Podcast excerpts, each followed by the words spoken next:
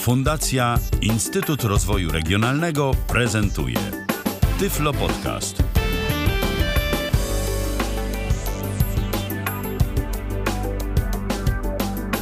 Minęła godzina 19 w kalendarzu 20 dzień września 2016 roku, a więc rozpoczynamy kolejne spotkanie na żywo na antenie Tyflo Radia.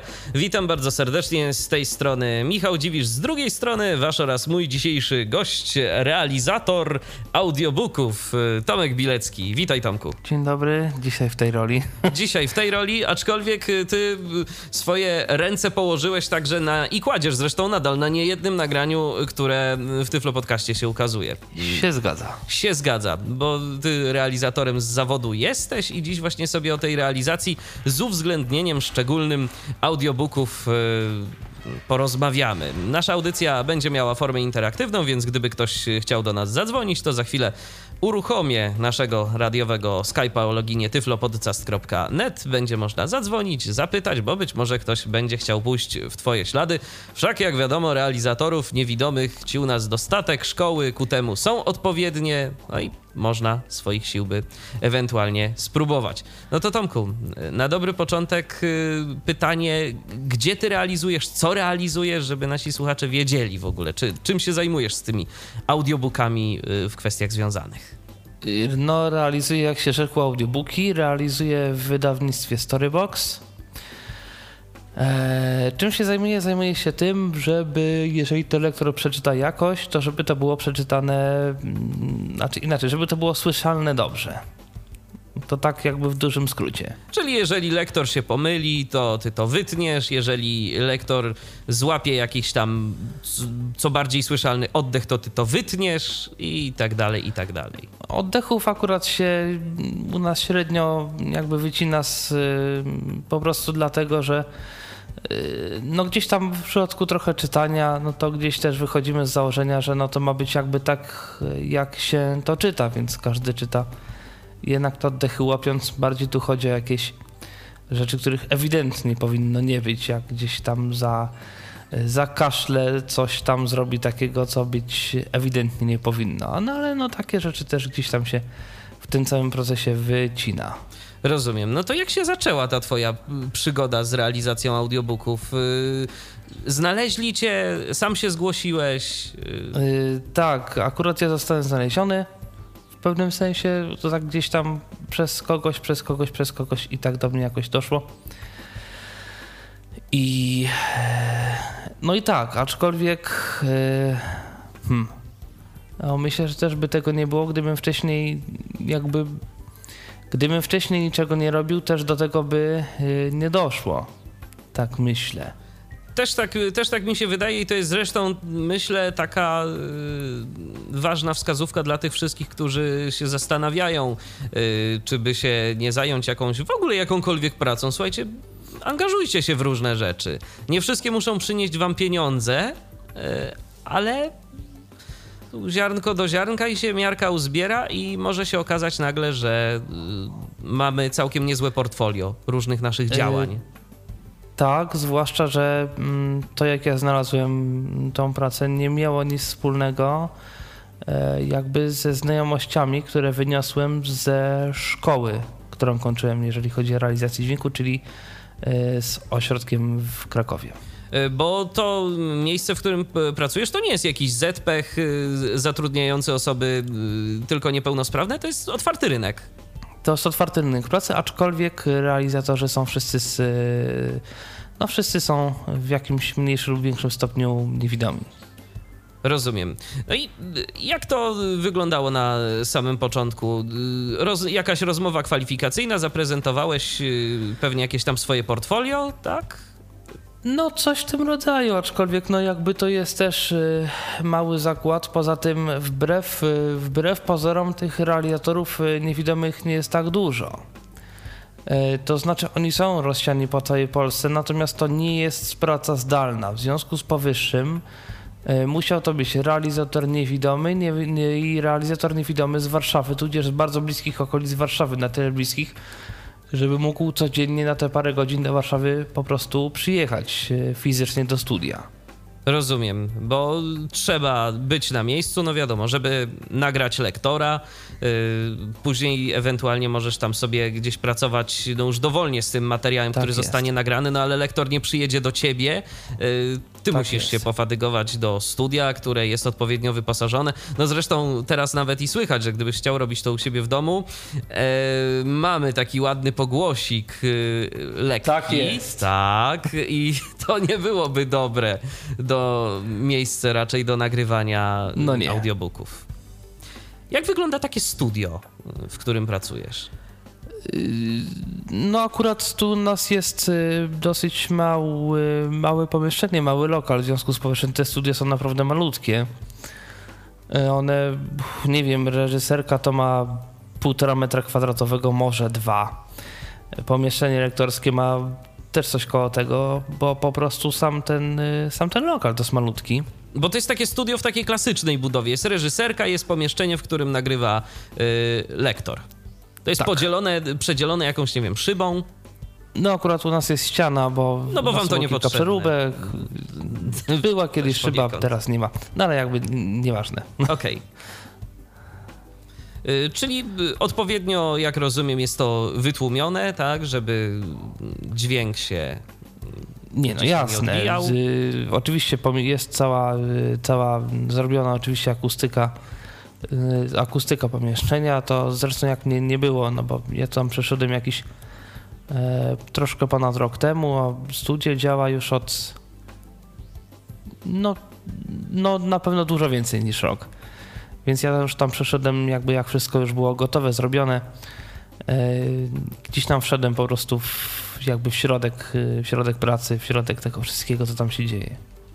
Rozumiem. Y, Zwykle jak słyszymy studio, to nam się kojarzy szczególnie ta część reżyserska z naprawdę mnogą ilością różnego rodzaju sprzętu, wielka konsoleta, y, mnóstwo jakichś przełączników, gałek, suwaków. Tak to u was wygląda? Czy... Nie, nie dlatego, że to studio do nagrywania tylko i wyłącznie książek. W związku z powyższym mikrofon e, jakby jest jeden dla lektora, jest mała konsolka wielkości, ja wiem, tabletu. No coś koło tego, mniejsza niż laptop w każdym razie to jest. E, Na której jest pokręteł, ja wiem, no może z 10 w sumie i przycisków no też koło 10 powiedzmy. E, To jest, jest komputer, zresztą Mac. No i studiu dla lektora jest mikrofon, jest jakiś głośnik, żeby lektor mógł słyszeć. No oczywiście u nas są też monitory studyjne, znaczy głośniki studyjne, żebyśmy my słyszeli lektora. No i w zasadzie tyle. Wspomniałeś o tym, że y, jest Mac. To teraz może o tej dostępności Maca. Y, tak y, jakiś czas temu była taka naprawdę wielka euforia, kiedy Apple wprowadziło dostępność. No to się mówiło, że to teraz niewidomy to na Macu wszystko już zrobi. To już będzie tak super, będzie można sobie skorzystać z dowolnego programu i będzie naprawdę fajnie. Potem się okazało, że rzeczywistość jest jednak trochę inna.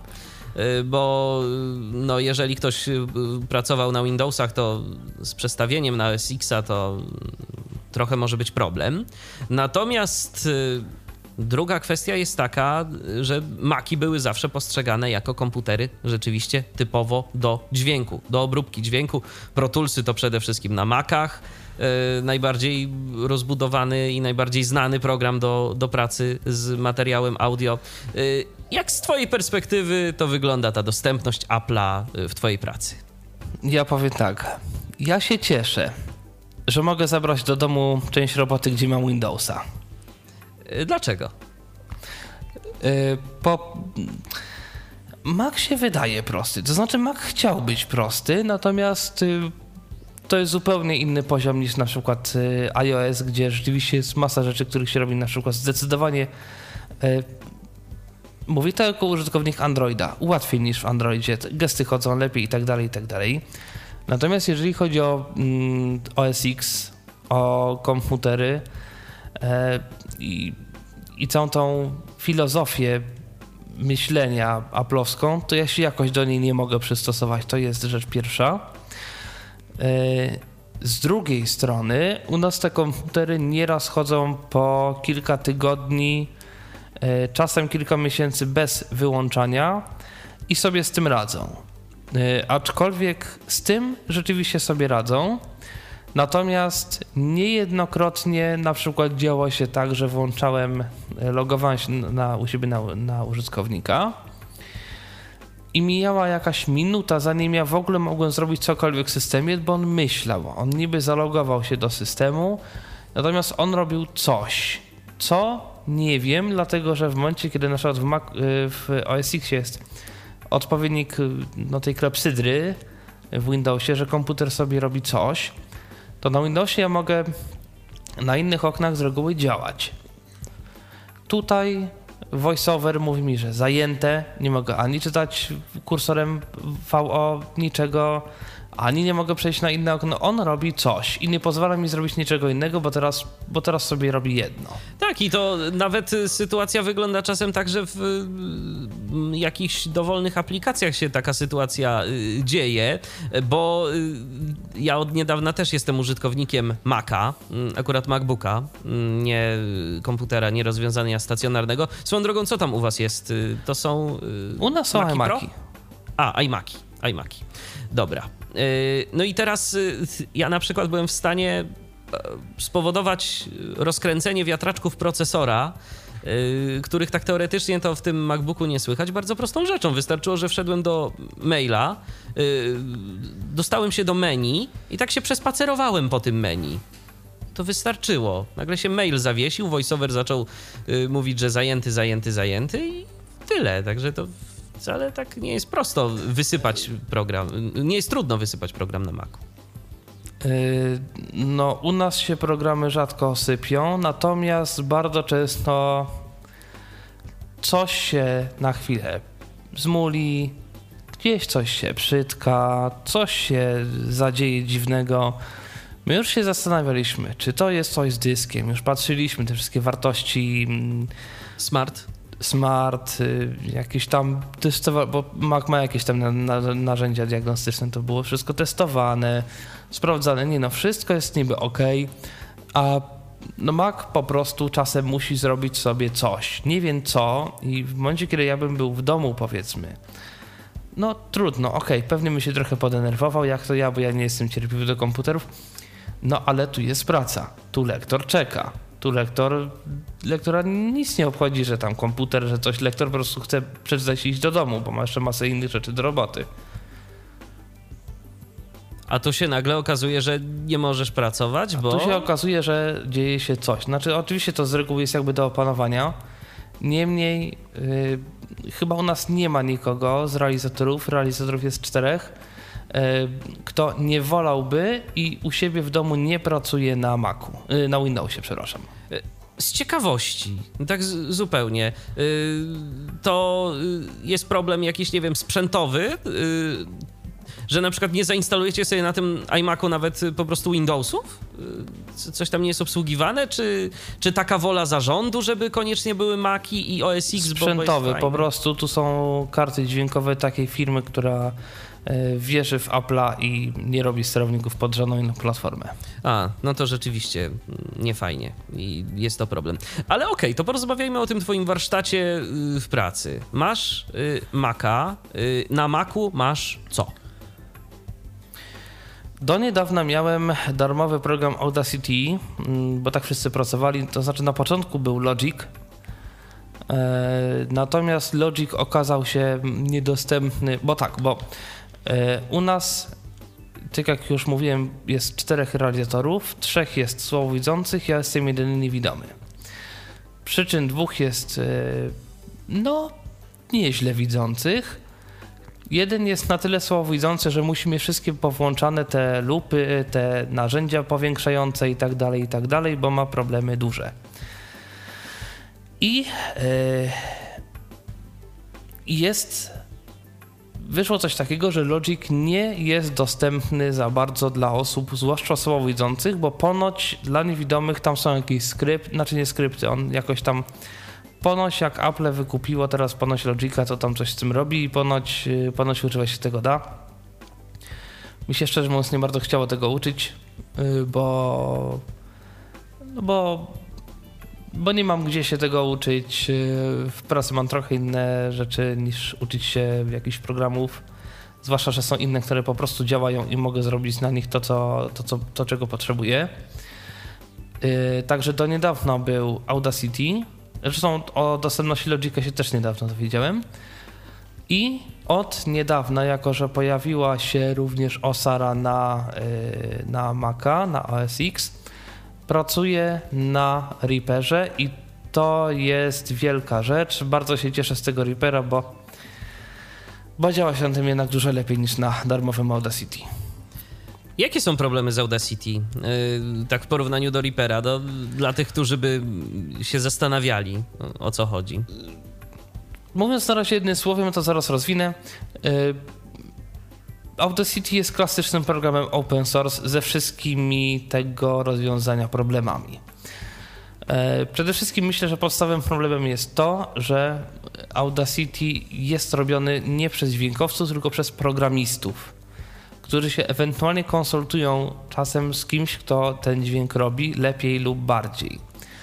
E, w związku z czym nie ma bardzo wielu rzeczy podstawowych, jeżeli chodzi o program do dźwięku.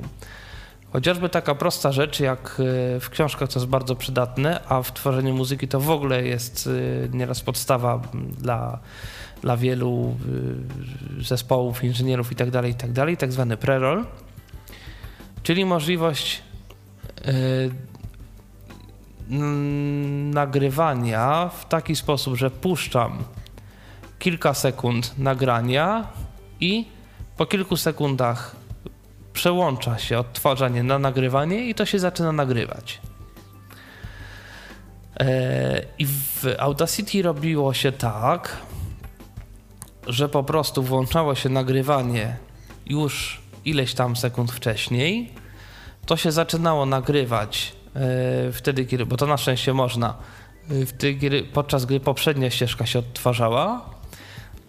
Ścieżka kończyła się, znaczy jakby kończyło się poprzednie nagranie, lektor zaczyna wchodzić yy, z jakąś tam kolejną kwestią. I wszystko jest fajnie, tylko że potem, gdy zaczynamy montować to wszystko, trzeba na dzień dobry powycinać wszelkie te Y, wszelkie te fragmenty, gdy z głośnika u lektora leci nagranie, no bo tego przecież nie chcemy w książce. E, druga rzecz, jeżeli ja coś usuwam, to mi akurat bardzo przeszkadzało, bo w Reaperze się zupełnie do czego innego przyzwyczaiłem.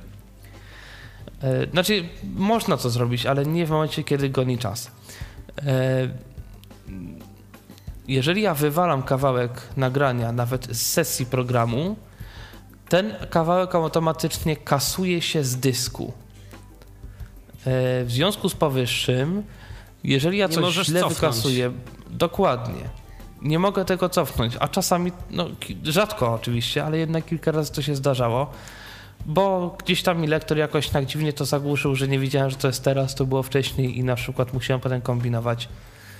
E, no i jakieś tego typu różne rzeczy. Generalnie gdybym nie miał Reapera na, u siebie tutaj w domu, no to pracowałbym dużo mniej wydajnie i dużo, generalnie dużo gorzej. Czyli praca wygląda w ten sposób. Nagrywasz lektora yy, w studio i później zabierasz pracę jeszcze do domu, yy, na, na Reaperze już sobie to obrabiasz. Tak, chociaż no, jeżeli teraz jest Reaper również w pracy, no to mogę też w pracy zrobić. Znaczy w pracy robię część rzeczy, dlatego że w pracy nie mam części wtyczek, które na przykład są tylko na Windows, e, które, których używam. Natomiast część pracy potem tej jakby montażowej mogę też zrobić w pracy i przyjść do domu i tylko wyrenderować wszystko używając powiedzmy efektów jakichś tam, e, które, które mi są akurat potrzebne. Rozumiem. E, a jak wygląda kwestia y, pracy y, ze sprzętem? Wspomniałeś, macie jakąś tam konsolkę, którą się mm, obsługuje, to znaczy... ale czy tego się w ogóle dotyka, czy to się ustawia raz i już? To znaczy, ona jest zasadniczo ustawiona raz, a porządnie. Jedyne, co tam się włącza i przestawia, to są dwie rzeczy. To jest po pierwsze komunikacja z lektorem, bo tam jest y, no, talkback, nie mylić z y, udźwiękowieniem na Androida, czyli po prostu taki mikrofon wbudowany mały i kiepski po prostu po to, żeby lektor słyszał, no, żeby, do komunikacji po prostu między reżyserką a studiem. E, I drugi przycisk, który się wciska, żeby puścić lektorowi lektora, po prostu, żeby on siebie jakby, znaczy, żeby słyszał to, co się, to, co leci z karty jakby w głośniku u siebie. E, czyli mogę mu właśnie puścić ostatni kawałek, na przykład gdy lektor się pomylił, puszczam mu ostatnie, ostatnie zdanie i lektor słysząc to ostatnie zdanie wchodzi jakby z, z następnym. I potem to wyłączam chociażby po to, żeby jak, jak potem gdzieś tnę, żeby lektora nie mylić, nie rozpraszać tym, że go tnę, tylko po prostu puszczam mu to, co trzeba i nic więcej. I w zasadzie tyle, co. No i głośność, powiedzmy u mnie. I tyle. Poziomy, ustawione na poziomy wszelkie tego typu rzeczy się nie rusza, no bo po co w zasadzie? Bo po co? Bo to po prostu jest ustawione w ten sposób, żeby było za cicho, to i tak się potem przygłośni w domu. E, gdzieś nam procesie jakby tym postprodukcyjnym, no jakby w dalszej produkcji, może nie postprodukcji, ale jakby w dalszym tym procesie i, i to tak ma działać po prostu. Rozumiem.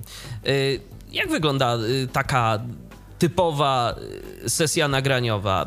Mamy, ok, mamy książkę, mm, jest lektor, który Y, jest przydzielony zapewne już, no to ty nie decydujesz o tym, kto nagrywa daną książkę, tak? Ty, ty po prostu... Nie, ja nie decyduję, ja po prostu dostaję informację, że mam się umówić z tym a tym lektorem, dostaję zazwyczaj niego numer i się umawiamy na jakiś tam konkretny termin, lektor przychodzi, no i zaczynamy nagrywać. Y, lektor sobie siada u siebie w studiu, ja sobie usiadam u siebie w reżyserce.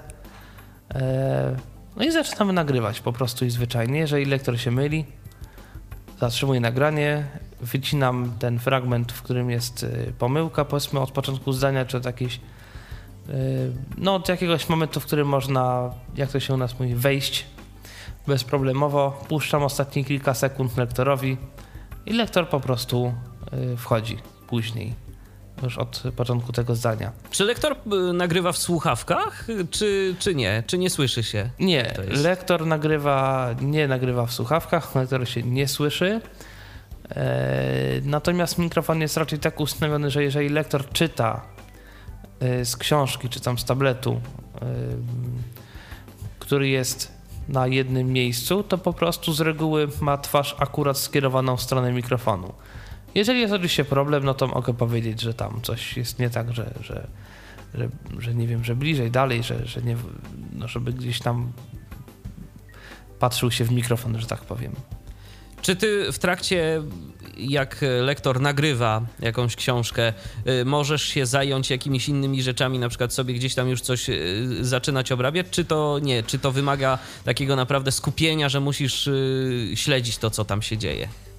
To znaczy lektorzy raczej się pilnują, aczkolwiek no, lepiej jest słuchać to, co się dzieje, dlatego że lektor to jest lektor. Lektor też człowiek może się pomylić. No i oczywiście ja nie kontroluję tekstu, bo wiem, że na przykład w niektórych studiach realizator śledzi tekst e, i jakby kontroluje lektora.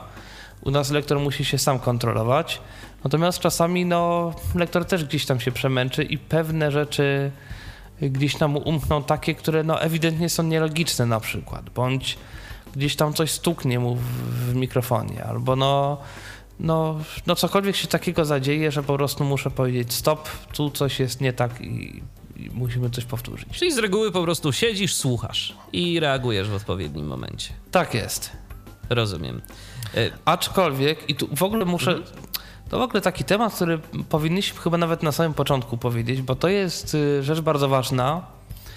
I niestety, jak tak sobie rozmawiam z różnymi ludźmi niewidomymi, którzy kończyli realizację dźwięku, niekoniecznie na, w Krakowie, albo niekoniecznie nawet realizację dźwięku, ale w ogóle z ludźmi niewidomymi, jest problem, e, który niestety bardzo przeszkadza w e, zdobyciu czy w utrzymaniu pracy przez wiele osób. Mówię o takiej pracy e, nie typu powiedzmy telemarketer albo y, jakaś zdalne prace takie proste, które, które już są gdzieś tam znane, gdzie są przetarte ścieżki przez różnych ludzi, tylko właśnie nawet taka realizacja dźwięku jak, jak, jak u mnie.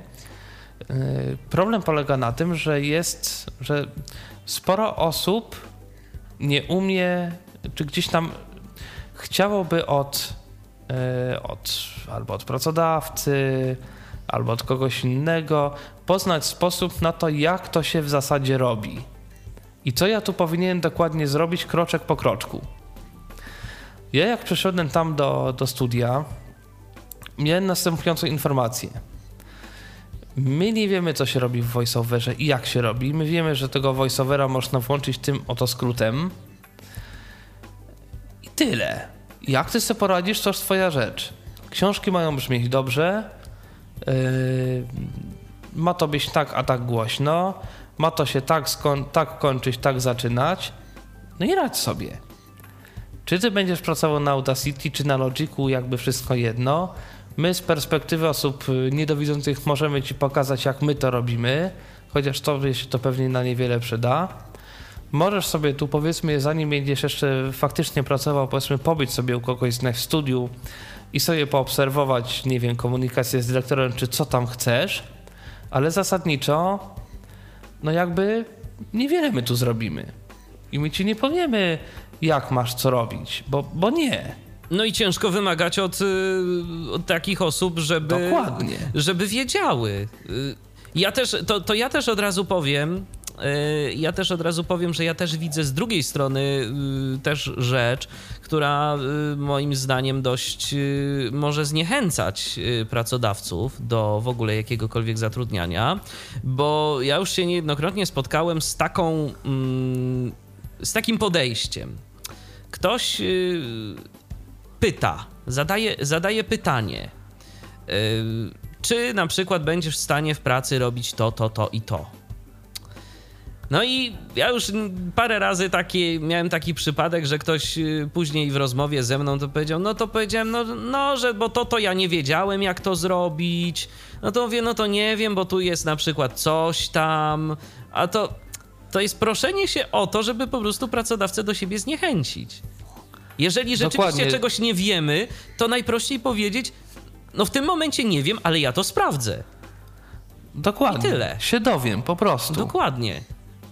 Jak nie tak, to w inny sposób. I to jest naprawdę, myślę, że bardzo ważna rzecz, o której wszyscy, którzy o jakiejkolwiek pracy myślą, o czymkolwiek, to, yy, to powinni sobie naprawdę wbić do głowy, że pracodawca z reguły nie będzie wiedział, jak nam pomóc, ale plus jest w ogóle dla niego już na tyle, że on chce w jakikolwiek sposób nas zatrudnić, że on w ogóle to rozważa, y, że chce z nami wejść w współpracę, no to my teraz musimy też coś od siebie dać. Y, fakt, że niekiedy więcej, no bo gdybyśmy bezproblemowo widzieli, no to nie byłoby najmniejszego problemu, bo byśmy jeszcze nawet jakieś szkolenie dostali y, i ktoś by nam tam pokazał co i jak. No tu po prostu musimy zrobić troszkę więcej. Tyle. Mm, dokładnie. To będzie w każdej pracy, która no, gdzieś tam nie jest taką masową pracą dla niewidomych, e, jak, jakie bywają, powiedzmy, już nie będę tutaj dawał jakichś przykładów, bo nie ma sensu. E, natomiast jeżeli ktoś chce się gdzieś tam próbować e, w jakichś rzeczach, w których nikt niewidomy bądź prawie nikt niewidomy nie pracuje, no to niestety musi gdzieś tam samemu różne rzeczy sobie szukać i być pewnym tego, co się robi. Wszystko się zgadza. Czy z własnej perspektywy jakichś takich y, kilka trików y, mógłbyś y, naszym słuchaczom, że tak się wyrażę, sprzedać? Nie, niekoniecznie dotyczących jakichś, jakichś konkretnych zadań, bo wiadomo, w każdym studio robi się, robi się coś być może inaczej, ale może są pewne uniwersalne rzeczy, na jakie warto zwrócić uwagę powiem. Ciężko powiedzieć, bo to jest trochę tak. Z tą pracą to jest troszeczkę, przynajmniej z takiej mojej perspektywy. Jeżeli wszystko jest ok, to to jest robota bardzo prosta. Problemy się zaczynają, gdy się zaczyna coś psuć.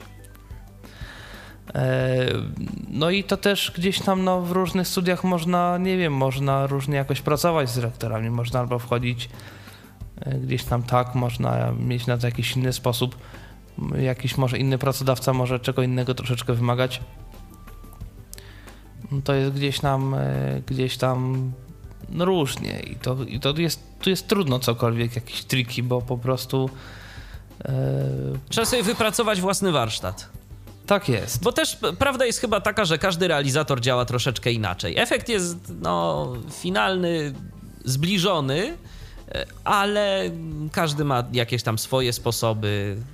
Jedyne co mogę i to, i to gdzieś tam mogę mm, powiedzieć, e, no, trik, to bardziej taki lektorzy się z reguły śpieszą. W związku z powyższym e, dobrze jest od początku albo prawie, no bo oczywiście lektor też zrozumie, że jesteśmy gdzieś tam e, po raz pierwszy, drugi, no ale już gdy będzie po raz dwudziesty, to będzie gorzej. W każdym razie chodzi o to, o po prostu szybkość pracy.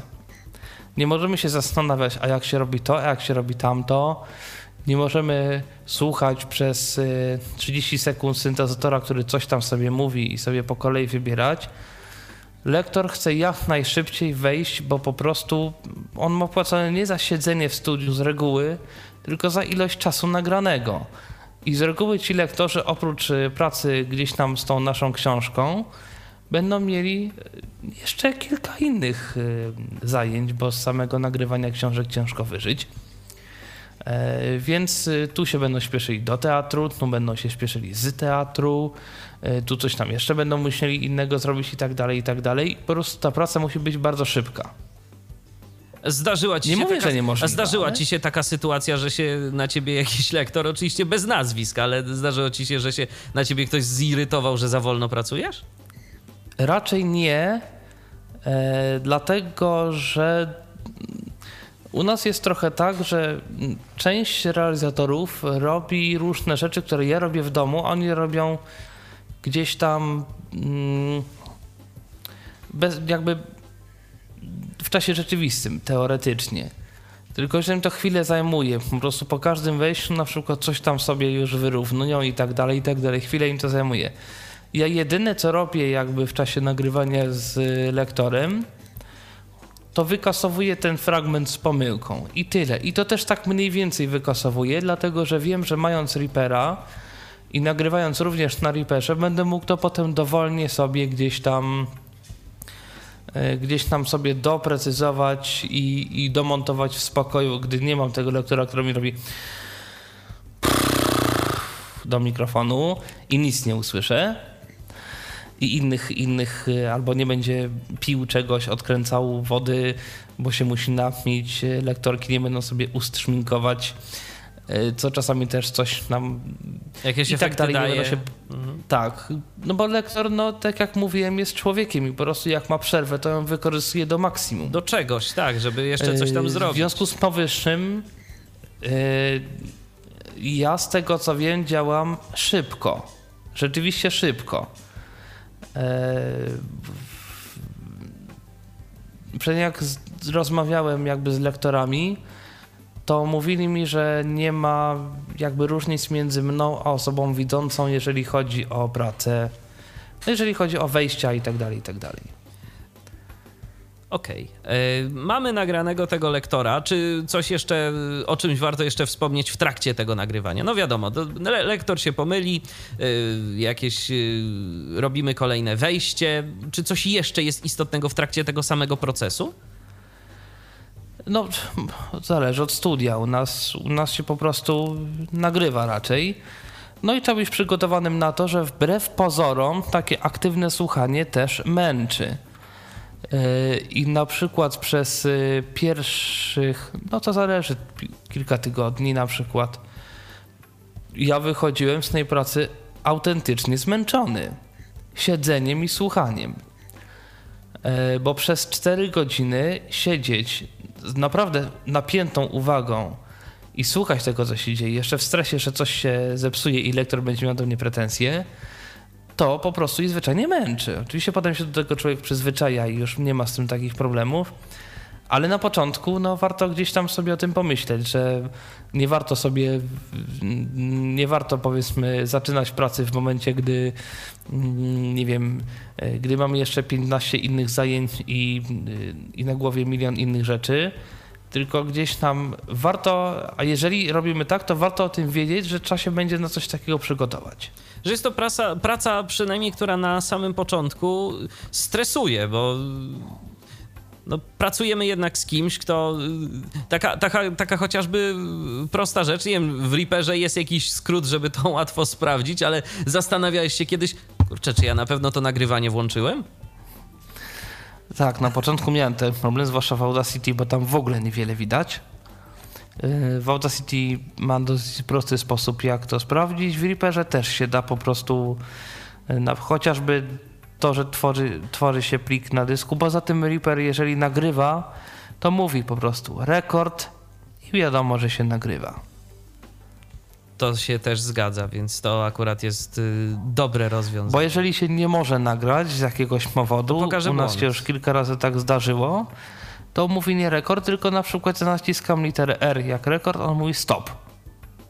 Od razu. No i wtedy trzeba jakoś tam zareagować. Tak w odpowiedni sposób. Z ciekawości, co było przyczyną? Jakiś brak miejsca na dysku, czy się... Nie, coś z kartą. Nie bardzo chciało się dobrze połączyć z systemem, trzeba było kompa uruchomić ponownie. A, na tej zasadzie. No. Okej. Okay. No więc dobra, mamy nagranego lektora.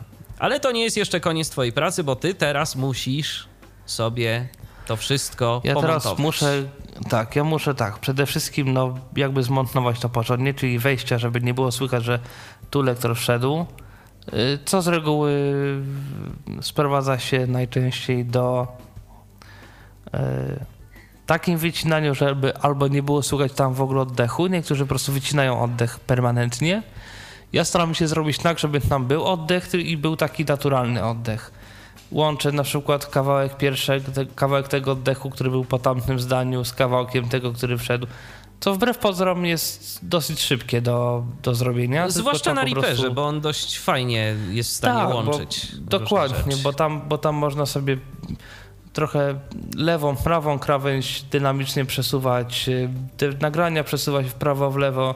On robi jeszcze te crossfady robi, czyli taki, no takie jakby przenikanie się coraz głośniejsze, jakby jednego przejścia jeden w drugi jedno w drugie na nagranie, jakby poprzednie, następne i to się całkiem fajnie robi. To jest jakby pierwszy etap. Drugi etap to jest e, głośność i bramka szumów, żeby jeżeli lektor nic nie mówi, to była cisza, ale z drugiej strony, jeżeli lektor mówi nawet cicho, to żeby go było słychać. E, to się na szczęście robi raz, albo potem tylko się montuje, znaczy potem się tylko gdzieś tam coś doprecyzowuje i to już, i to już pewnie jest takie ustawienie już gdzieś tam na dłużej. No i rzecz kolejna no jest oczywiście zwiększenie głośności, żeby, żeby to gdzieś tam i w huku ulicznym też było słychać, czyli po prostu, żeby to było dosyć głośno. No i na samym końcu, jak to już jest przygłośnione, jak to już jest dobrze zrobione, to trzeba e, i to już raczej we wszystkich wydawnictwach się robi, dlatego że e, wszelkie mp i tak dalej, i tak dalej na to tym się głównie kierują, czyli poprawne otagowanie tych plików. Mm. Podanie nazwy, gdzie trzeba, znaczy nazwy, tytułu, autora, yy, jakiegoś tam w zależności, bo czasem jest rok wydania, czasem jest coś innego, w zależności od wydawnictwa. U nas oczywiście jest tam jakiś tam jeden schemat i trzeba te wszystkie tagi do plików yy, dodać. Używasz jakiegoś MP3 taga, czy, czy, czy innego? Tak, ja otrzymam MP3 taga, choć namawiam tutaj jednego z ludzi, żeby zrobił w ogóle taki, taki program, który, który by robił całość i żeby tylko się wpisywał kilka rzeczy, żeby on wszystko robił. No, no ale to, to by było wygodne. Chociaż MP3 tak rzeczywiście też ma dość dużo możliwości, aczkolwiek ja mam czasem takie wrażenie, że ma ich za dużo. W MP3, Może. W MP3 tagu się można czasem pogubić. Ja mam jeden schemat postępowania z tym programem, może nie najbardziej idealny, niemniej na tyle krótki, że jakby na tyle zajmujący mało czasu, że, że raczej nie ma z tym problemów. No i najważniejsze, że to, że to się sprawdza. Y, jeszcze tak wracając do tego nagrania na moment, do pracy z lektorem, ile czasu średnio lektor jest w stanie pracować wydajnie? Ile trwa taka sesja?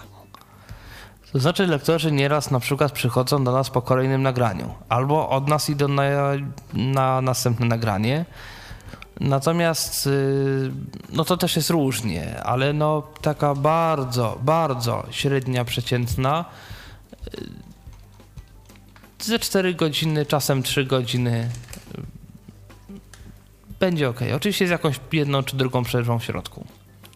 I ta przerwa to tam parę, parę minut, tak, zazwyczaj. Choć słyszałem o takich y, sytuacjach, gdzie lektor pracował 10 godzin i też nie było problemów. To nieźle. Ciekawe jak realizator. No, przeżył. Przeżył. Także czy jakieś, jeżeli ktoś z naszych słuchaczy chciałby zabrać się za realizację tego typu y, rzeczy. Wspomniałeś o różnego rodzaju y, wtyczkach, które, y, z których korzystasz do pewnych rzeczy. Czy mógłbyś polecić jakieś rozwiązania, jakieś takie elementy zestawu dobrego realizatora audiobooków, które by się mogły przydać? To znaczy ja w ogóle mam kombinację alpejską i jak każdy ją słyszy, to po prostu się za głowę łapie bo twierdzi, ja używam standardowej bramki w programie X i mi to działa. Na przykład. Yy, ja mam chyba z 8 czy 9 wtyczek, które wykorzystuję do tego wszystkiego. Yy, w tym pogłos, którego potem i tak nie słychać. Yy, I, i tak na razie jestem nie w 100% zadowolony z tego, jak to działa. Więc jeszcze na tym pracuję nad swoim jakby znaczy to działa oczywiście, niemniej wolałbym, żeby to działało jeszcze lepiej. A z ciekawości, po co ci ten, ten pogłos? Dlatego, że używam, y, używam takiego efektu, który się nazywa expander. Y, I w dodatku expand to jest taki efekt, który w zależności od tego, jaki jest głośny sygnał, on mu jeszcze jakby, to jest taka odwrotność kompresora. Kompresor to jest proces, który jeżeli sygnał jest cichy, on go robi głośniejszym. Jeżeli sygnał jest głośniejszy, to on go ścisza na przykład. Expander to jest taki procesor, który sygnały ciche i jeszcze ścisza, a sygnały głośne i jeszcze bardziej podgłaśnia. I ja tego używam zamiast bramki szumów, dlatego że jak używam bramki szumów, to nieraz mi bramka wycinamy oddech, ale na przykład zostawia jakieś lektorskie, które było dosyć ciche, ale już wchodziło w, w zakres działania bramki. Expander mi to robi, że to będzie, ale na przykład dużo cichsze. E, I teraz ja mam na wszystkim kompresor, że głośne sygnały dosyć będą głośne jeszcze bardziej. Sygnały ciche będą, będą ciche, a sygnałów bardzo cichych na przykład nie ma, ale to wymaga kilku wtyczek jedna po drugiej. Yy, pogłos jest po to, że ten expander działa strasznie szybko. I na przykład nieraz bywało tak, że lektor kończył coś mówić i końcówka się urywała. Yy, I pogłos na drugiej ścieżce, na której tak naprawdę expander jakby słucha, ma troszkę spowodować, bo ten expander nie ma mm, parametru, który by regulował, jak szybko ma tą głośność zmniejszyć. On po prostu on działa natychmiastowo, dlatego to jest taki, taki, takie oszukiwanie tego procesora troszeczkę. No ale najważniejsze, że skuteczne. No i tak sobie myślę, że poza wszystkim to praca realizatora przy audiobookach ma jeszcze jedną niezaprzeczalną zaletę możesz sobie dużo książek poczytać. I to różnych. I to pewnie Oj, takich, bardzo i to pewnie I to pewnie takich, po które byś nigdy nie sięgnął z własnej woli. Y, jakaś taka najciekawsza pozycja, która ci się wryła w pamięć? Ale pod względem negatywnym czy pozytywnym? Słuchaj, to może być i taka, i taka. Y, to znaczy, nie, no było kilka bardzo pozytywnych książek i to takich y, jakichś nieznanych, y, znaczy mi przynajmniej nieznanych, bo może, bo może inny, nie wiem, niektórzy powiedzieli, oho, ho, jaki nieznany. Ja znam nie tylko wszystkie książki, ale biografię i nawet samego autora. ale było kilka takich książek, które rzeczywiście były bardzo ciekawe. Mm, była na przykład taka książka, ona się nazywała Długa droga do domu, która się miała być jakimś romansem, a okazała się nieźle psychologiczna, z elementami thrilleru, z elementami jakiegoś trochę kryminału i, i, i, i e, generalnie książka o która zaczyna się w latach 30., jak polska rodzina emigruje do Stanów, bo ma być lepiej. E, tam dochodzi do kilku skandali na tle e, małżeńskim. Tam jest po prostu taki przekładaniec, że wszelkie paradokumenty mogą się schować. E, po czym główna bohaterka ucieka na Kubę. Na tej Kubie jeszcze nie ma rewolucji, ale to rewolucja będzie. Jak jest na rewolucja, prawdopodobnie, znaczy ona podejrzewa, że jej mąż między innymi tam poszedł do tej rewolucji, więc się przyłącza do rewolucjonistów, poznaje Che.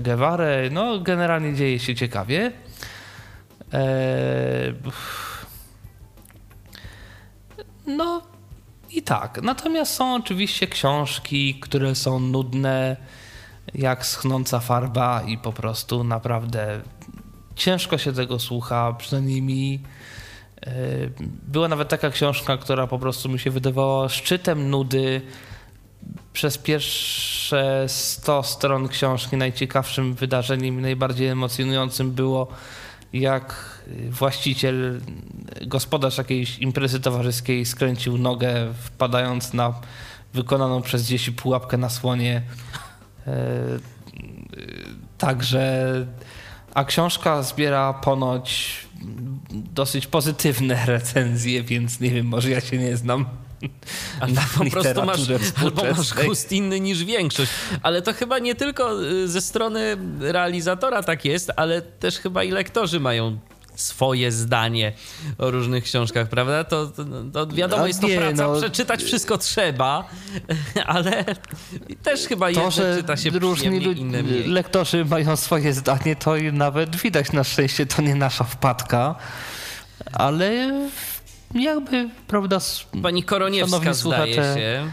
Tak, tak, wpisali tytuł bardzo poczynnej książki 50 twarzy 50 Greya, wpadka, tak. chociażby na najpopularniejszym serwisie wideo, to znajdą, prawda, jedno bardzo konkretne zdanie, które e, bardzo określa stosunek lektorki do czytania przez nią książki. Także... Także to Także. jest to w ten sposób, aczkolwiek no, to, to, nie wyszło od was. To nie wyszło od was, żeby nie było. Yy, nie, nie, to, to nie nasza. Tak od, tak od razu zapytam, bo mm, chociaż w zasadzie powinienem zapytać na samym początku. Ty wspomniałeś, że to jest wydawnictwo Storybox. Macie coś, coś wspólnego ze Storytelem? Yy, po nie, to znaczy inaczej. Książki to są ze Storyboxa są w firmy, Storytelu. Ale książki ze Storyboxa są w Storytelu. Aczkolwiek to ta zbieżność jest chyba po prostu wynikająca, że story jako historia po prostu yy, i w jednym i w drugim przypadku gdzieś tam gdzieś tam podpasowało komuś, kto nazwę wymyślił, ale to chyba tylko tyle. Rozumiem. W każdym razie, jeżeli y, gdzieś tam będziecie czytać jakiegoś audiobooka i na samym końcu będzie, że realizacja Tomasz Bilecki, no to wiadomo, kto zacz. Tak. Bo to nadal jest y, w modzie, tak? Że podaje się, że kto czytał u i nas, kto zrealizował. Tak, u nas jest w modzie, choć nie, nie zawsze. Niektóre książki nie mają y, informacji ani na początku, ani na końcu, kto zrealizował. To znaczy, kto czytał, to jeszcze jest kto zrealizował już nie, albo to jest na przykład w tagach, albo gdzieś tam w opisie, albo, albo gdzieś tam jeszcze. Na okay. płycie załóżmy, jeżeli książka jest w formie, w formie CD. Tak myślę, że powoli zbliżamy się do y, końca naszej dzisiejszej audycji. Tomku, czy coś jeszcze dla tych naszych słuchaczy, którzy by chcieli y, spróbować swoich sił z, z realizacją? Czy coś jeszcze warto y, powiedzieć, bo, bo, bo nie zostało powiedziane na przykład? Chyba nie. Po prostu. Myślę, że nie. Po prostu do roboty. Po prostu do roboty gdzieś tam i przede wszystkim yy, trochę inicjatywy. Tak. to się zgadza, bo te, bez tej inicjatywy no, wydawnictw zajmujących się realizacją audiobooków też nie jest jakoś tak bardzo dużo. To się ostatnio zrobiło coraz mocniej trendy i popularne i w ogóle, ale to nie jest tak, że w każdym małym mieście mamy studio z audiobookami, więc też się no trzeba nie, zdecydowanie nie takich y, powiedzmy na y, na takim no jakby tu no, no jakoś mniej lub bardziej znanych w Polsce jest w ogóle kilka, e, także także nie jest tego dużo. Poza tym e, czasami też jest coś takiego, że po prostu jest jeden człowiek, który sobie siada, myśli, że dobrze nagrywa. Czasem to się nawet sprawdza i gdzieś tam, gdzieś tam nagrywa audiobooki i próbuje to gdzieś tam z wydawnictwem albo i nie e, sobie ustawiać i ustalać. I też tak niekiedy bywa i wtedy no realizator raczej, on, on się sam wtedy realizuje, tak? Tak. Sam sobie sterem, żeglarzem, okrętem. Tak. Ale jak najbardziej można, można próbować swoich sił. Jeżeli ktoś ma zacięcie do dźwięku, to, to myślę, że sobie poradzi. Bo praca rzeczywiście, tak jak powiedziałeś, jeżeli wszystko idzie dobrze, to nie jest zbyt, zbyt trudna. Może taka wymagająca skupienia, ale na pewno nie, nie wymaga jakiejś nie wiadomo jakiej ekwilibrystyki. Ważne, żeby sobie stworzyć dobry warsztat i, i, i znać tak, ten warsztat. Wymaga, wymaga po prostu jakiejś sprawności, żeby e, po prostu musi to wszystko, musi to wszystko iść rzeczywiście płynnie. Lektor nie może czekać dwóch minut, aż realizator raczy wy Y, usunąć ostatni, ostatnią pomyłkę, tylko to musi być jednak znacznie krócej. Y, no i, i tak. Okej, okay. zatem y, dziękuję Ci bardzo, Tomku, za y, dziękuję również. dzisiejszą audycję. No i do usłyszenia w następnych, bo myślę, że jeszcze niejednokrotnie Cię usłyszymy albo y, jako prowadzącego, no i także nie jeden Tyflo Podcast przyjdzie no, Ci zrealizować. Tomek Bilecki był Waszym oraz moim dzisiejszym gościem. Rozmawialiśmy o realizacji audiobooków, o zawodzie realizatora audiobooków. Dziękuję za uwagę również i ja, Michał Dziwisz, kłaniam się. Do następnego spotkania spotkania w Tyflo Radio. Był to Tyflo Podcast. Pierwszy polski podcast dla niewidomych i słabowidzących. Program współfinansowany ze środków Państwowego Funduszu Rehabilitacji Osób Niepełnosprawnych.